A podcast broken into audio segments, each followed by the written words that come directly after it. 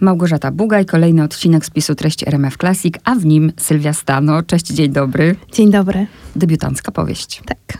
Opera na trzy śmierci. Ta książka dotarła do mnie dzisiaj w, w takiej formie. Także ja ją dzisiaj widzę y, wy, wydaną, okładkę widzę. Ja ją czytałam ponieważ y, panie z wydawnictwa Znak, koleżanki nasze wspaniałe, one wiedzą, że ja nie czytam PDF-ów, bo ja nie rozumiem w ogóle, jak czytam coś elektronicznie, więc wydrukowałem mi twoją książkę, więc czytałam ją w takiej formie. I gdybym dostała tę książkę i przeczytała najpierw okładkę, to od razu bym się inaczej ustawiła. A ja nie wiedziałam, do czego się ustawić. To było super doświadczenie. Bo jak skończyłam czytać twoją książkę, słuchaj, to było, o wow, co tu się zadziało? Zaskoczyłaś mnie. Mhm. To już jest dobry punkt wyjścia. Cieszę się.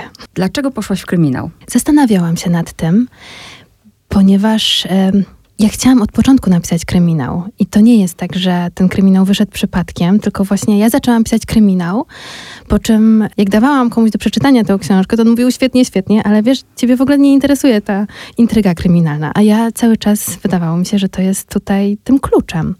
I wiesz, ja w ogóle byłam bardzo jakoś zaskoczona tym, że ta książka w ogóle nie jest klasyfikowana jako kryminał, bo, bo dla mnie to od początku właśnie był kryminał. Ona jest klasyfikowana jako literatura piękna. Ale też ci powiem, że ja cokolwiek nie robię i to jest zawsze jakiś taki właśnie, nie wiem, no to już mogę powiedzieć, że chyba znak charakterystyczny, że to się nie mieści jakoś e, w, te, w tej kategorii. Ja pamiętam, jaki ogromny miałam problem, jak pisałam doktorat, jak po prostu tam było tyle wątków i tyle różnych, po prostu próbowałam na kulturoznawstwie, które i tak jest dosyć pojemne w ogóle, interdyscyplinarne.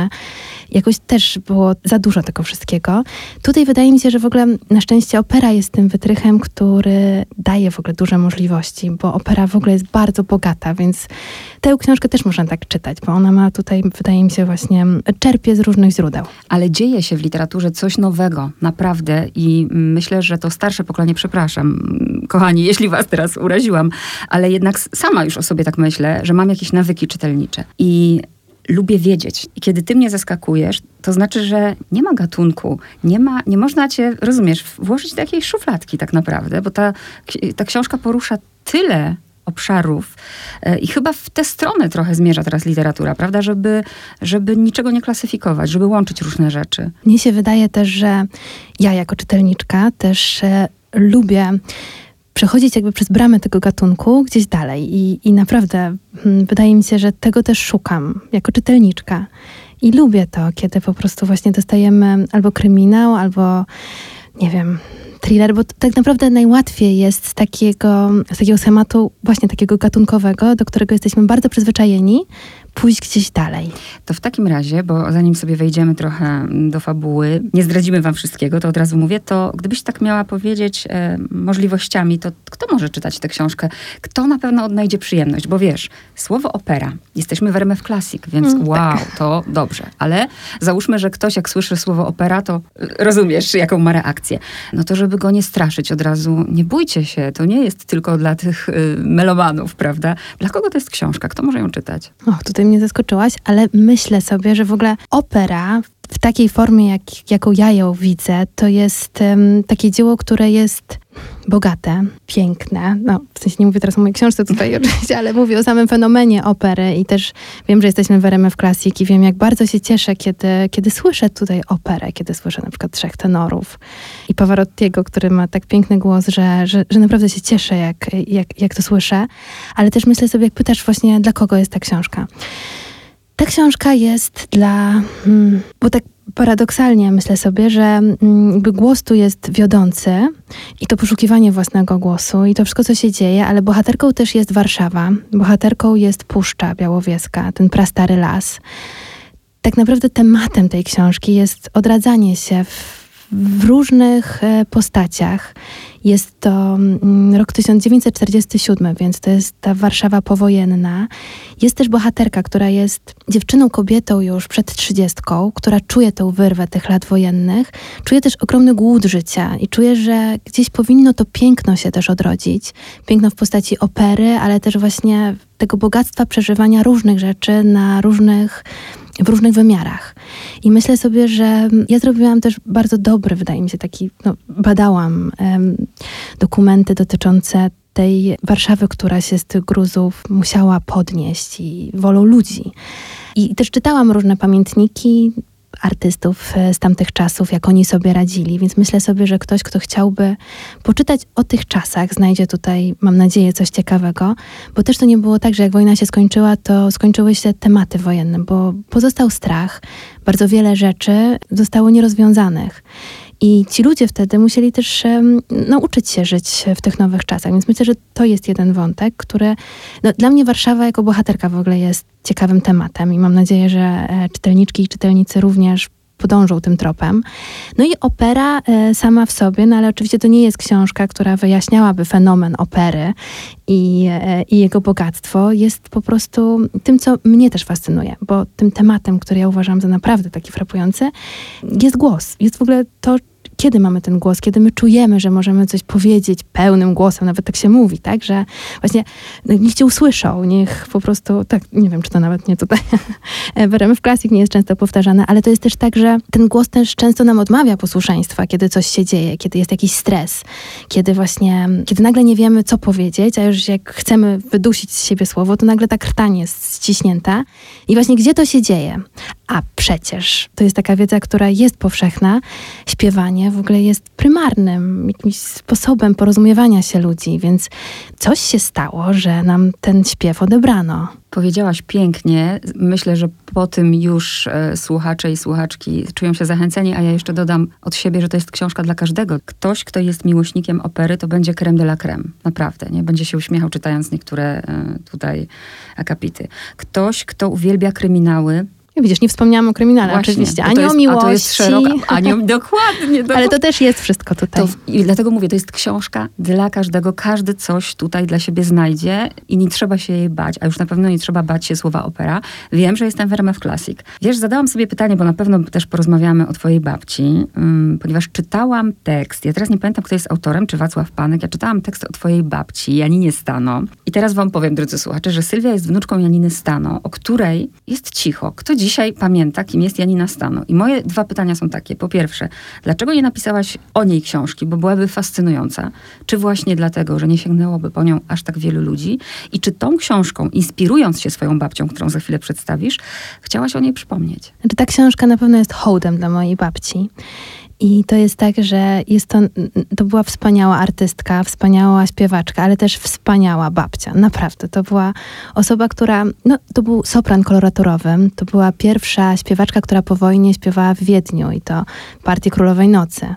I to też była wspaniała pedagogzka. Naprawdę. To była taka nauczycielka, która próbowała do, u każdego znaleźć te jego blokady, żeby właśnie nimi się zająć i żeby, no żeby właśnie każdy, kto do niej przychodził, mógł pokazać ten swój głos w pełni. Ona e, uczyła w Düsseldorfie, przez połowę swojego życia chyba mieszkała w Niemczech, ale ja pamiętam, że do niej przylatywały aż z Japonii uczennice, żeby zrobić z nią rolę, bo moja babcia, ona nie pozwalała do siebie mówić babcia, tylko busia trzeba było mówić, no bo ona nie była babcią. I tak dedykujesz, tak? Tak, e, Busi właśnie. I wiesz, ona e, też mówiła, że najważniejsze w śpiewie jest to, co czujesz, kiedy śpiewasz. Kiedy po prostu że musisz wiedzieć, o czym śpiewasz. Że to nie wystarczy nauczyć się muzyki, partytury i, no i nut, tylko to musi być, to musi pochodzić z wnętrza. Więc e, ja na pewno chciałam tutaj przypomnieć babcie. To nawet, wiesz, e, nie wiem, czy, czy ta książka właśnie o mojej babci nie miałaby więcej czytelników niż, niż ta powieść. Natomiast myślę sobie, że już jest, jest biografia mojej babci. I ją właśnie napisał Wacław Panek. Natomiast też właśnie ta książka trochę wyniknęła z czegoś innego. Tam moja babcia, Busia, Nina Stano, to była też kobieta, która wiem, że to była no, ktoś, kto mnie bardzo ukształtował mocno i też całe jakieś takie spojrzenie na świat, ale też taka radość życia, którą ona miała, naprawdę nieokiełznaną radość życia. Ona miała 90 lat i potrafiła cieszyć się dosłownie wszystkim, tak? Jakby to właśnie jeszcze wiedząc, przez co ona przeszła, tak? I, i, i mając świadomość tego, ile musiała pokonać różnych no, no, takich barier, które wydają się nie do przejścia, to poznam jej biografię, to, to wiem, że to była kobieta niezłomna naprawdę i taka dzielna i, i przy tym wszystkim właśnie tak wrażliwa i czuła że no, kochałam ją bardzo, bardzo mi jej zabrakło. Ale wiesz, jakby właśnie po jej śmierci okazało się, że mm, wśród tych wszystkich historii, które ona opowiadała, było też bardzo dużo takich, których nie opowiedziała. I ja zostałam z tym, dlaczego, dlaczego mi nie opowiedziałaś tego? Dlaczego na przykład właśnie mam rodzinę w Warszawie, o której nie wiem, o której po prostu przypadkiem się dowiedziałam? I co to musiała być u niej za trauma, że ona po prostu nigdy o tym nie mówiła. Więc jakby ta książka jest hołdem dla mojej babci, a z drugiej strony jest taką próbą odtworzenia, wyobrażenia sobie tego wszystkiego, przez co ona musiała przejść, żeby właśnie nic nie powiedzieć. Biorąc pod uwagę, bo cały czas to podkreślam, że jesteśmy w RMF Classic, to dla kogoś y, Janina Stano może właśnie, no jak to, no nie wiesz, ale ja cały czas myślę o tym ogóle, że jednak w tej, w tej powszechnej, e, ci, ci, którzy nie interesują się oper, operą, mogą o niej nie wiedzieć. E, dlatego cieszę się, że ją przypomniałaś. Kiedy ja czytałam te biografie, te fragmenty, wiesz, ona mi zaimponowała i było mi to bardzo potrzebne do tej książki jednak, że to wiedziałam, bo ja uwielbiam, wiesz, szperać, oglądać mhm. zdjęcia, więc widziałam ją na tych zdjęciach, gdzie ona wykłada, e, jakie ona ma włosy, jak się czesze, jakie ma ciemne okulary. Tak. I Wacław Panek ją nagrywał na, na taśmy i ona Wiem, żebym ją bardzo polubiła. Wiesz dlaczego? Bo ona mówiła wprost. Pamiętam taki fragment o starości, gdzie to nie jest prawda, że każdy wiek ma jakieś tam coś pięknego. Nie? Tak. Starość jest taka i taka. E, Starość się Panu Bogu nie udała, to ona tak mówiła. I jestem w stanie ją sobie wyobrazić, jak, taki, taki mocny charakter. Tylko teraz moje pytanie wynika z tego, że babcia jest dla ciebie inspiracją. E, czy nie boisz się, albo czy w ogóle nie ma się czego bać, E, że wiesz, ludzie będą utożsamiać teraz y, bohaterkę z twoją babcią i może im się to wszystko pomieszać. Bardzo się boję. To... Naprawdę bardzo się tego boję i podkreślam na każdym kroku, że to nie jest biografia mojej babci, ale no po prostu musiałam to napisać. Gdzieś po... I też, wiesz, to jest tak, że ja też napisałam inną książkę jako pierwszą książkę. Różnymi decyzjami właśnie e, stało się tak, jak się stało, że właśnie wyszła książka, którą wydawnictwo zamówiło u mnie później, żebym właśnie napisała że oni wydadzą tę książkę o mojej babci, w której moja babcia właśnie ma lat 70 parę, to są lata 90. i ona w ogóle przypomina wtedy tę Ninę Stano, którą ja znałam i którą pamiętam. No ale później właśnie mm, zdecydowano, że wydamy najpierw tę książkę, operę na trzy śmierci, która jest właśnie w 47 roku się toczy. Nie miałam możliwości wtedy po prostu w ogóle widzieć mojej babci, więc to wszystko musiałam sobie zmyślić. Więc boję się oczywiście, że się boję. Więc uprzedzam, bo to jest, to jest ja wiem, że pisarze, pisarki nienawidzą tego, ale to jest standard. E, nie tylko wśród dziennikarzy, naprawdę nie jesteśmy tacy źli, ale czytelnicy też, nie? Ile jest Jadwigi Stano, prawda? W, to jest straszne. Będziemy tego unikać i rozdzielmy to. To jest fikcyjna bohaterka, mhm. inspirowana. To jest Gusta Star, zresztą ona ma inne imię, inne nazwisko.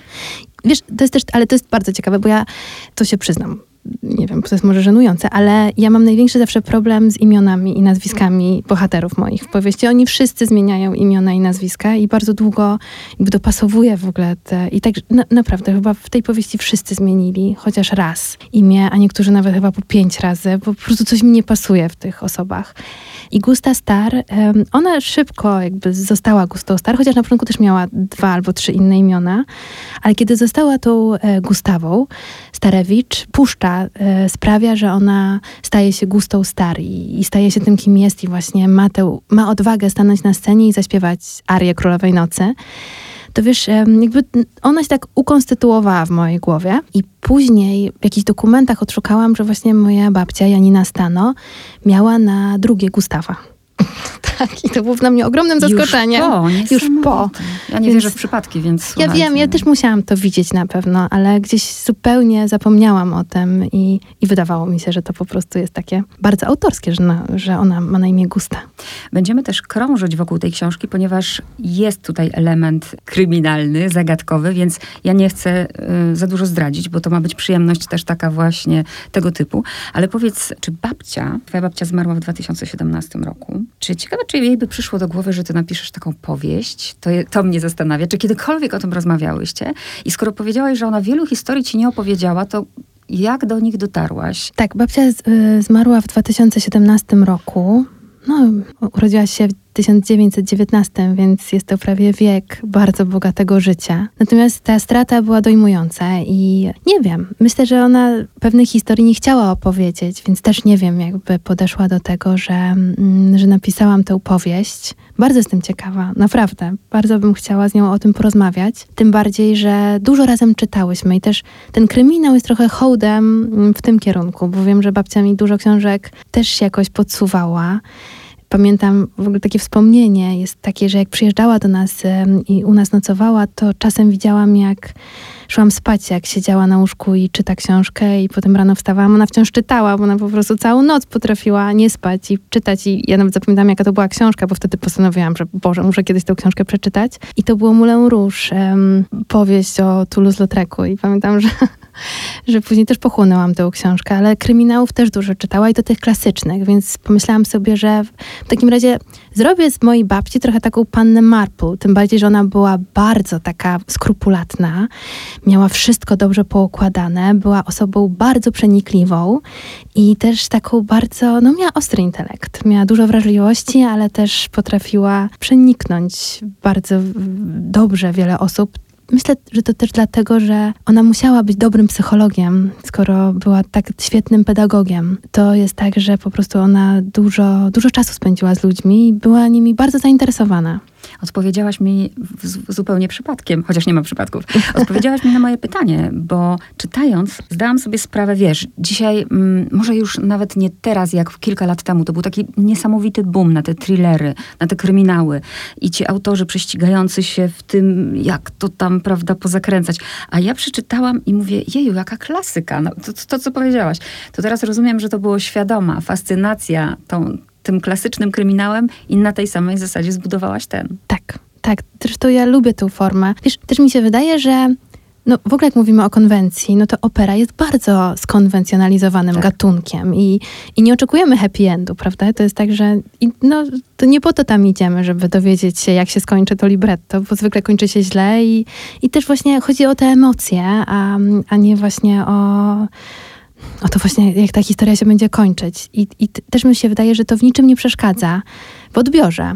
Wręcz przeciwnie. Wydaje mi się, że jak już właśnie nie czekamy na, na nic, no to możemy bardziej się e, skoncentrować na tu i teraz, na tym przeżywaniu tego. No, dla mnie to zawsze było trochę jak ta antyczna tragedia, prawda? Że to jest po prostu tak, że dobrze, no to wiemy, że się skończy źle, no ale dzięki temu będziemy mogli puścić te emocje. Ja myślę, że takim największym komplementem dla ciebie będzie to, że, że to uczucie po zakończeniu czytania tej książki jest takie, wiesz, bo najgorzej jak jest nijakie albo letnie, a jeżeli jest coś takiego, tak jak ja miałam, ale o co chodzi w ogóle, nie? Ale o co chodzi, to to jest komplement. Dziękuję. Um, bo to znaczy, że intrygujesz, że zastanawiałam się w ogóle, bo mogę naprawdę tę książkę czytać pod bardzo różnym kątem, a jeżeli chodzi o tytuł, no to oczywiście, że w środku tej książki też są nawiązania do y, opery za trzy grosze, y, a propos śpiewu i tych czasów powojennych, ale też byłam ciekawa, no bo y, mogłaś zatytułować Królowa Nocy, chociaż taki, taki jest chyba tytuł biografii, prawda? O ile się nie mylę. Tak,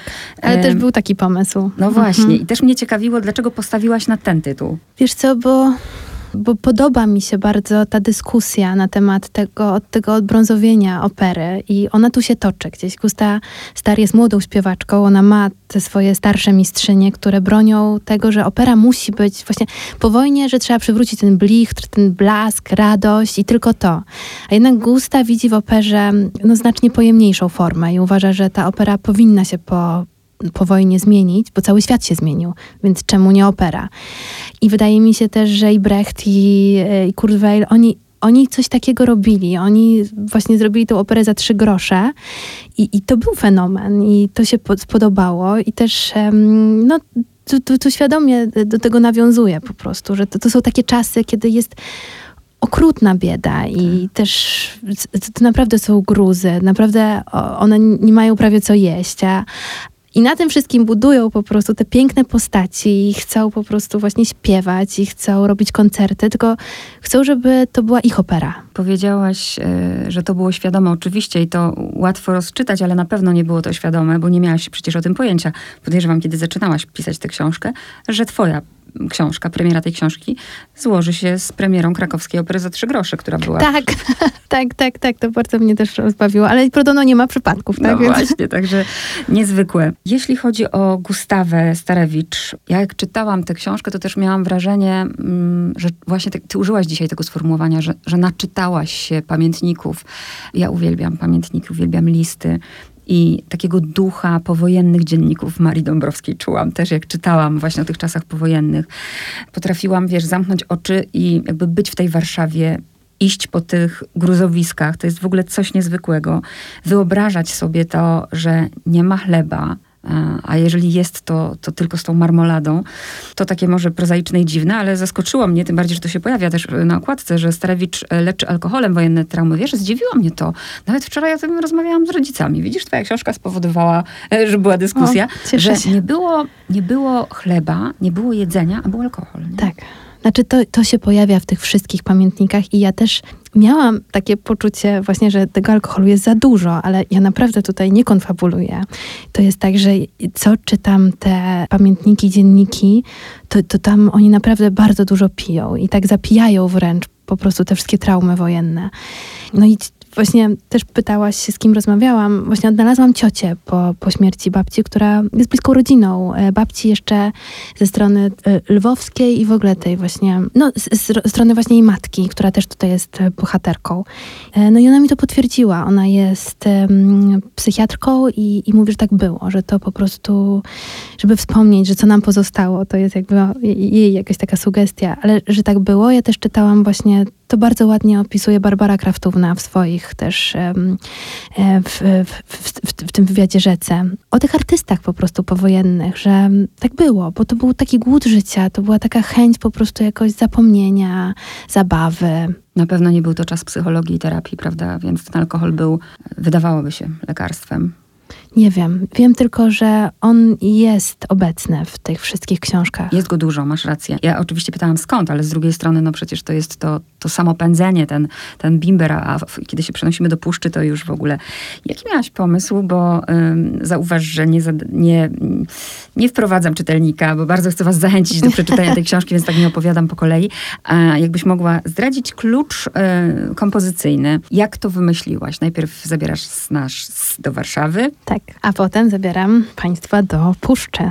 Do tej naszej puszczy białowieskiej, prastarego lasu, najpiękniejszego na ziemi, w którym po prostu to życie jest bujne. Jest, dla mnie to jest też tak kwintesencja opery. Ja myślę sobie, że tam jest takie bogactwo tych wszystkich faktur, mchów, porostów, tego życia, które właśnie jest bujne, ponieważ nikt go nie tłamsi, nie jakoś nie formuje. Ja tutaj stosuję tę analogię, że to miasto odradza się właśnie trochę jak ta puszcza, że ono stanowi dla siebie jakąś pożywkę, że w puszczy jest na przykład tak, że drzewo, które no już ze starości się przewróci, często jest, i to jest nazywane nawet jak kłodą piastunką, czyli na nim wyrastają nowe drzewa. I też to, co można zobaczyć w Puszczy Białowieskiej, to jest jakaś taka dzikość, która, która bardzo oddziałuje. Robisz piękną analogię, jak na gruzach wyrastają te trawy tak, i kwiaty. Tak, tak. I też zresztą to widać w miastach, jeżeli właśnie... Mm, pozwolimy tylko temu życiu się odrodzić, to, no, to w Warszawie wciąż są takie, mm, takie fragmenty, ale w Krakowie też tutaj widziałam, że na przykład brzozy, które są pionierskim gatunkiem, no one po prostu nagle postanawiają zapuścić korzenie gdzieś na dachu albo na balkonie, tak? I, no i jest to szalone, ale, ale ileś tam po prostu właśnie takich szalonych decyzji musi być podjętych, żeby później właśnie znaleźć faktycznie to miejsce, które jest nam przeznaczone. I ja bardzo podziwiam tę przyrodę dziką, ale też myślę sobie, że, mm, no, że jest w niej coś takiego, co, co pozwala też e, tutaj guście mm, odkryć tę taką dzikość i siłę w niej. W ogóle nie można, drodzy słuchacze, nawet rozmawiać o tej książce zero-jedynkowo, bo tutaj się nie da rozmawiać zero-jedynkowo. Kiedy myślę o, o tym, co zrobiłaś, jaką piękną scenę wymalowałaś w tej puszczy, gdzie właśnie... I, i też od razu myślę o słuchaczach tej opery, o tych którzy jej słuchali. Myślę o leśniczym, myślę o prostych ludziach.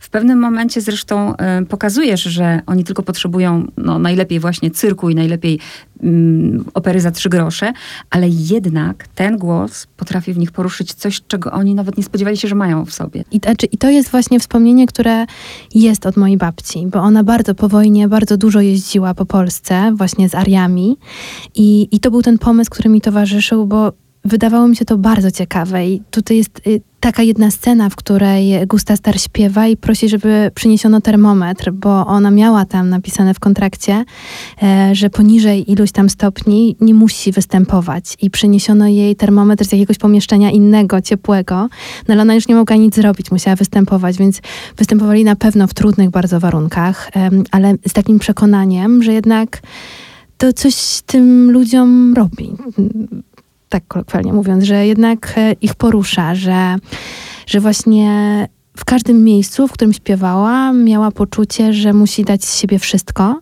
że właśnie nie wie, kto ją usłyszy, że nie wie, kto akurat będzie tam mm, wśród publiczności i ile dla tego kogoś będzie znaczył właśnie ten jej występ. Więc no, ona w ogóle była perfekcjonistką, więc zawsze dawała z siebie 100%. Nie potrafiła inaczej bo po prostu to była jej pasja. Nie myślisz o, o, tym, kto cię będzie słuchał, myślisz o tym, żeby właśnie dać z siebie wszystko. Ale też to jest jakaś misja, myślę, tak. że to po prostu ona miała takie poczucie, że skoro już śpiewa, to ona po prostu musi w ogóle reprezentować chyba operę w ogóle. A te warunki, o których tutaj... Trudne czy... były warunki, natomiast mnie, zainspirowały mnie te wozy, bo ja je naprawdę zobaczyłam w puszczy. One stoją w pasiekach i, e, I na szczęście mogłam w ogóle e, spędzić w nich kilka nocy, bo to są wspaniałe wozy cyrkowe, ale też e, tutaj się nałożyło. Ja mam taką książkę Kronika Opery, bardzo ją lubię, i tam jest mnóstwo świetnych historii. I faktycznie była Jenny Lind, która w Stanach Zjednoczonych takie tournée miała i była licytacja i, i była wielką gwiazdą, i właśnie ludzie przychodzili obejrzeć ją w cyrku.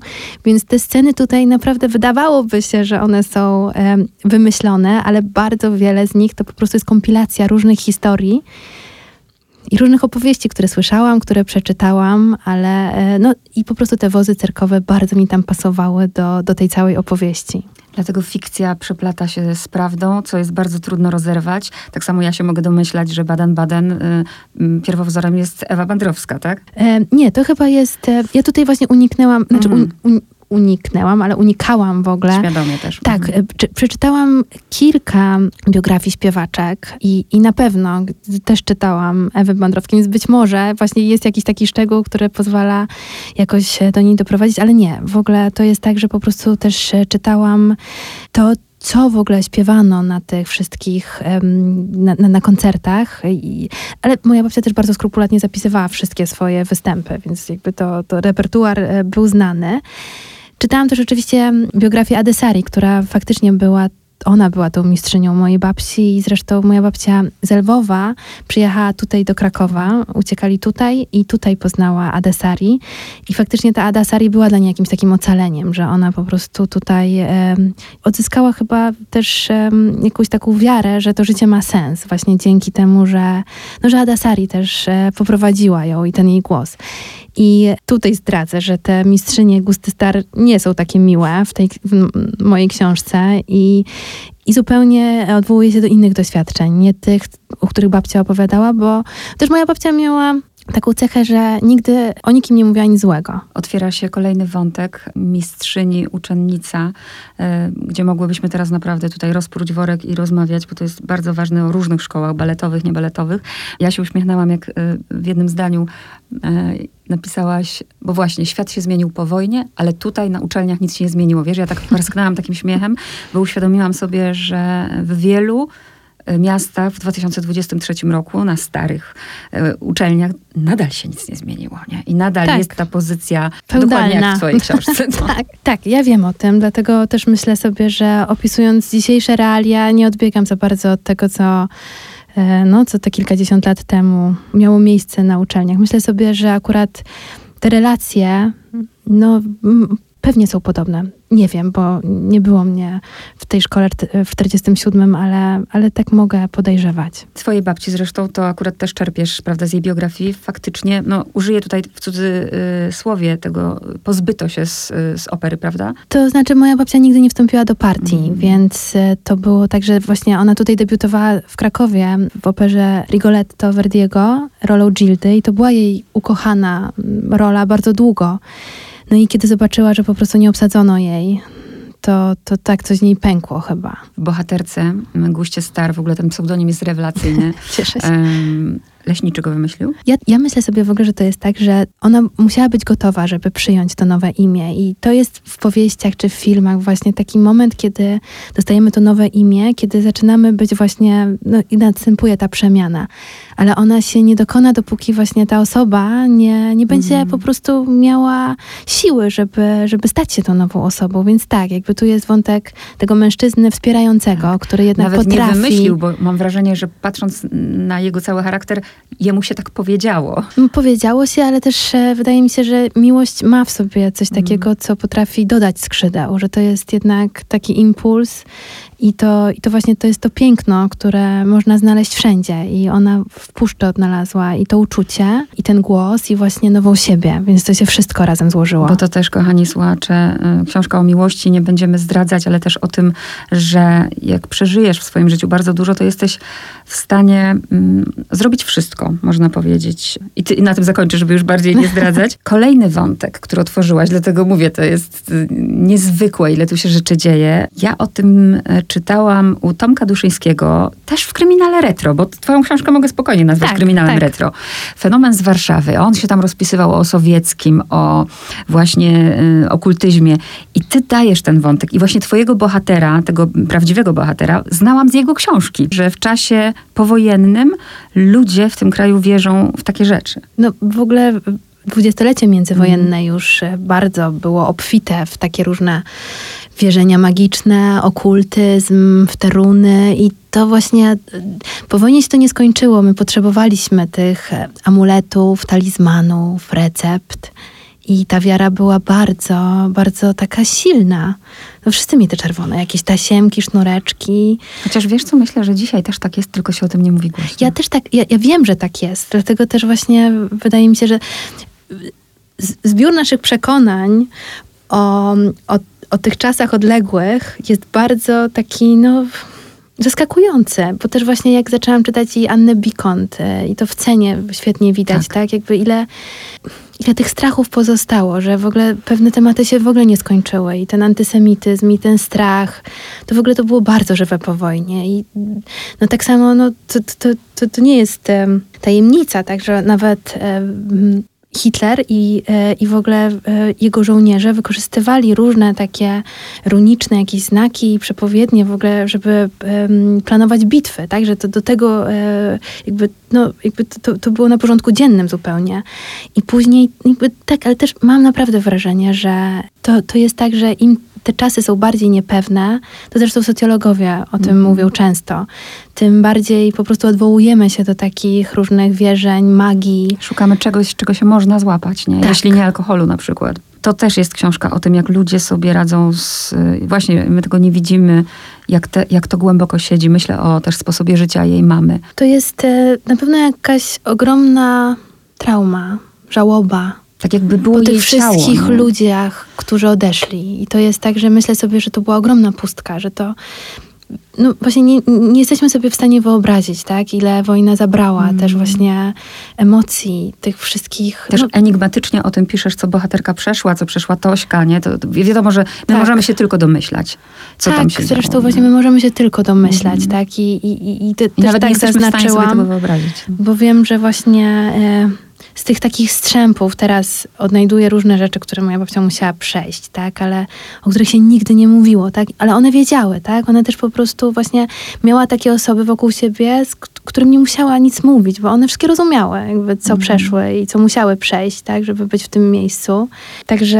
Jak e, łatwo po wojnie też się podszyć pod kogoś tak, można tak. było, prawda, gdzie te dokumenty zagubione, ludzie nie wiedzą. No więc ta pamięć tak. była z jednej strony ocaleniem, a z tak. drugiej strony przekleństwem, bo no bo w tej pamięci wszystko się działo i nie dało się tego po prostu wyciąć połowę, a drugiej połowy zostawić. I teraz, jak powiedziałaś, wątek antysemicki, to przypomniałam sobie zakończenie tej książki, którego nie zdradzimy, od razu mówię. Ja jestem ciekawa, czy jak rozmawiasz z ludźmi, no bo już trochę być może miałaś spotkań autorskich, a na pewno tych dziennikarskich, czy inni mówili ci to, co ja, czyli że też podobnie e, odebrali tę książkę, że tu jest tego co tu się w ogóle wydarzyło, że tego jest tak dużo? Wiesz co, tak, mam, mam takie, e, takie głosy, ale też bardzo jest to ciekawe, że każdy wybiera trochę inny wątek w ogóle z tej książki i to jest dla mnie bardzo ciekawe. Ta historia mojej babci jest taka bogata, że gdybym napisała tylko jej biografię i to taką biografię, którą ona by chciała przeczytać, a była właśnie perfekcjonistką, to pewnie nigdy by mi się nie udało tego zrobić. A napisałam e, powieść o bohaterce, która jest krwi i kości dla mnie i e, jest osobą właśnie, która może popełniać błędy i może się mylić i może właśnie, e, no dała mi więcej wolności niż na pewno babcia by dała sobie, mi i tej bohaterce, więc tu, tutaj po prostu um, robię po swojemu. Myślę sobie, że to jest też moja historia po prostu i, i, i może mogę ją w ten sposób sobie opowiedzieć, bo bo naprawdę po śmierci babci musiałam sobie ją opowiedzieć na nowo. Też zwróciłam uwagę, jak Gusta Star wraca do mieszkania. To mieszkanie oczywiście powojenne w jednej, w jednej klitce, w jednym pokoju. Mieszkają z matką, czasem jeszcze Tośka z nimi. Zostawiłaś w ogóle człowieka, wiesz, bo pokazujesz, że świat się zawalił, ale ta chęć życia e, jest tak ogromna i nawet pokazujesz tę Gustawę jako właśnie istotę seksualną, bo tego seksu też tam też tam jest dużo. I tego Właśnie. zwróciłam uwagę na ten co zapis, prawda, że wkłada rękę pod kołdrę i robi to, co lubi najbardziej. W mojej głowie się od razu pojawiło coś takiego, ale to też pokazuje o takim, o takim naszym porządnictwie, nie, że tu wojna, tu nie ma co jeść, a tutaj myślisz o takich sprawach, ale ty właśnie pokazałaś, że życie jest wszędzie. Tu nie ma co jeść, ale za chwilę y, w mieszkaniu hrabiego co się dzieje? Jest wszystko. Ale też wiesz co, to w tych właśnie relacjach z 47 roku czasem się to pojawia w ogóle często, że ta bieda i takie ubóstwo i ta szarość jest e, w ogóle taka, tak zestawiona z tym bogactwem, które jeżeli ktoś wiedział jak i wiedział, miał jakieś dojścia, to absolutnie były na wyciągnięcie ręki. To, no to było jakieś po prostu mm, wręcz nieprawdopodobne, ale tak było żeby zaspokoić właśnie tych, którzy kochają operę. Bardzo mnie ciekawi, czy jak się ma, miało e, babcię, koloraturową sopranistkę, to to był świat, w którym chcę wiedzieć, jak blisko byłaś babci i czy, czy ty się po prostu w tym świecie opery wychowałaś? Czy to był taki mus, jak czasem jest, że wiesz, yy, ktoś ma matkę pianistkę, no to nie może nie grać. Wiesz co, ja pamiętam takie najgorsze wspomnienie z dzieciństwa, ale naprawdę. I także pamiętam, że to trwało wieczność. To było to, kiedy mama nas wzięła na Straszny Dwór. I naprawdę jakby pamiętam, bo nie wiem, miałam może 6 lat, tak, i ta aria z kurantem. I naprawdę pamiętam, że to były tortury, tak, jakby, jakby zapamiętałam, że nie, tak, i do dzisiaj to pamiętam, ale też mi się wydaje, że po prostu prostu ta miłość do opery wymaga czasu. I to, to też babcia, no to można poczytać o tym też w biografii mojej babci, że ona też jak pierwszy raz usłyszała operę, to, to się w niej nie zakochała. Ona gra na skrzypcach w Lwowie i później trafiła na, na lekcję głosu i faktycznie no, ona miała przepiękny głos. Natomiast e, bardzo, babcia bardzo dużo nam pokazała takiej, tej wrażliwości. Mój tata też jest bardzo, mm, bardzo muzykalny, ma słuch w ogóle absolutny i, i babcia myślała, że będzie dyrygentem. On naprawdę słyszy wszystko i, i potrafi wziąć prawie każdy instrument i na nim zagrać. Ja, ja miałam taki krótki epizod, że babcia powiedziała, dobra, to będziemy śpiewać. I nawet tutaj rzuciłam studia w Krakowie, wyjechałam z tej polonistyki i, i też dzięki temu mogłam zrozumieć, na czym polega też fenomen Niny Stano jako pedagogzki, bo ja tak śpiewałam po kilku miesiącach, jak no ja, ja byłam po prostu tak zdumiona tym głosem, który byłam w stanie z siebie wydobyć, że, że no, to jest fenomen. I jakby to też pokazuje, że każdy w sobie to ma. Jakby właśnie ten potencjał, który ona potrafiła wydobyć. I to też było dla mnie bardzo ciekawe. Ja poszłam oczywiście inną drogą. Też nie miałam takiego, nie mam takiego głosu jak moja babcia. Każdy powinien robić właśnie to, do czego, tak, do, do, co, co, co, co robić musi. Ale jakby to, były, to był wspaniały czas, kiedy ja czułam właśnie, że ona jest w stanie pokazać mi to. Zresztą w ogóle ona uwielbiała swoich uczniów i, i, i jak rozmawiałyśmy przez telefon, czy w ogóle jak się spotykałyśmy, to ona tak naprawdę gadała tylko o nich i o tym, co, co u tego, a co u tego i co teraz ten śpiewa i, i myślę sobie, że że to było dla niej na pewno bardzo ważne i ta muzyka i no i pewne rzeczy z, na, z pewnymi rzeczami się zgadzałyśmy, e, z pewnymi się nie zgadzałyśmy ale to były bardzo ciekawe rozmowy. No to aż muszę zadać pytanie właśnie, na czym to polega, żebyś opisała, bo też właśnie o tym instrumencie, prawda, którym, którym jest głos, który nam się wydaje taki oczywisty, nie? Otwieram buzię i mówię. E, już się nie wydaje to takie oczywiste, jak się pracuje w zawodzie nauczyciela i się traci mm -hmm, głos na przykład. Tak. I też e, myślę tutaj o sopranistce koloraturowej, jakbyś powiedziała komuś, kto nie jest melomanem, tylko słyszy, prawda, koloraturowy głos, to jaki? To koloraturowy głos to jest taki, który y, w bardzo wysokich partiach y, głosu potrafi no jeszcze kolorować ten głos właśnie. To jest chyba, dla mnie to jest um, bardzo piękna metafora tego, że potrafi jeszcze mieć bardzo różne wariacje. Ja też nie jestem tutaj muzykolożką, więc nie wiem, czy to dobrze tłumaczę. Natomiast e, po prostu chodzi o to, że jest duża taka mm, łatwość w tych wysokich tonach, jeszcze zmiany tej barwy, jeszcze po prostu takiego biegania po tych wysokich tonach. No i to w taki sposób, żeby to było naprawdę przepiękne, żeby to lało się jak taki właśnie taki słowiczy, tak? I to nie jest tak, że otwierasz usta i zaczynasz śpiewać, bo podejrzewam, że musiałaś, y, mówię teraz o tobie, bo też uczyłaś się prawdopodobnie, domyślam się, ciężkie, trudne i żmudne ćwiczenia z oddechem. No babcia, jakby właśnie to jej uczniowie ukuli to, ale to chodziło o, kolumna, o kolumnę stano. I tak oni w ogóle um, nazywali to, co babcia um, ćwiczyła. Czyli właśnie to, że ten oddech stawał się ich rusztowaniem, że po prostu potrafili w ten sposób po prostu pracować z oddechem, żeby, no żeby, żeby ten głos wydobywał się jakby, żeby całe ciało pracowało, żeby ten głos właśnie układał się w nich tak tak jak chciał i żeby po prostu wypełniał te, no jakby te, te przestrzenie, rezonatory, tak? To jest, e, ja na pewno tutaj bardzo o tym nie mówię, tak jak babcia e, o tym mówiła.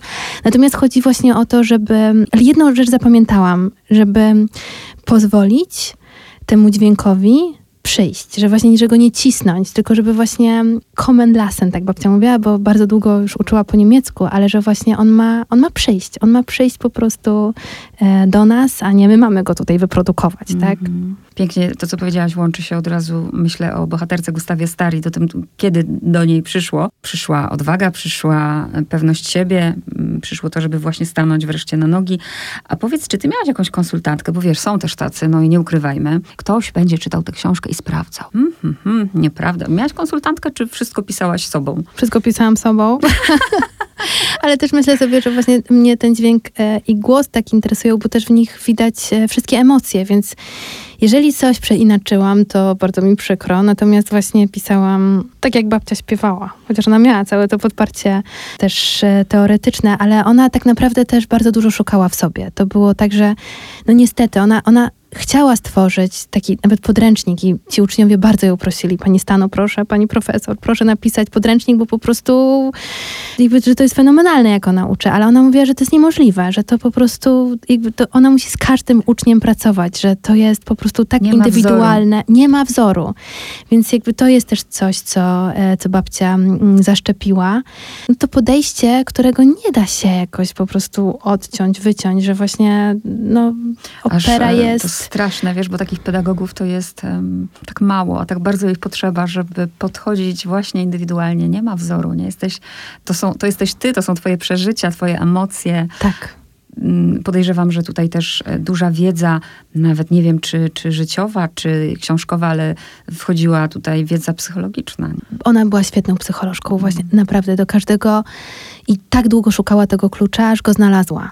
I ona się nie poddawała. I to była, tak, tak, no ona, i ona sama po prostu, jakby ona spędzała też bardzo dużo czasu na, na po prostu jakby właśnie próbie. Jakby każdy uczeń był dla niej wyzwaniem nowym i to wiem, bo o tym mi też często mówiła i do każdego próbowała znaleźć indywidualny klucz to tak jak ja zawsze próbuję znaleźć, nie wiem, może na siłę, jakiś klucz i szukałam i premiera twojej książki jest 22 lutego, rocznica śmierci babci 26. Tak. Czy dlatego ta książka się pojawia w lutym, czy to zupełnie Ojej, wiesz co, ta książka, przypadek, których nie ma? Nie, ta książka nauczyła mnie tyle pokory, wiesz, jakby to trwało tyle lat żeby ta pierwsza książka powstała. Ta druga właśnie ta powstała dużo, dużo szybciej, ale ukazuje się pierwsza, więc jakby właśnie nie ma klucza, nie ma żadnego wzoru. Mnie się też wydawało mi się, że w ogóle wszystko będzie inaczej. Ja się bardzo cieszę, że w końcu mam tę książkę w ręku i że ona jest taka piękna w ogóle, że ta zieleń jest taka śliczna i że właśnie trafi w końcu do czytelniczek i czytelników, bo, bo, bo tak naprawdę nic nie jest oczywiste i wydaje mi się, że właśnie i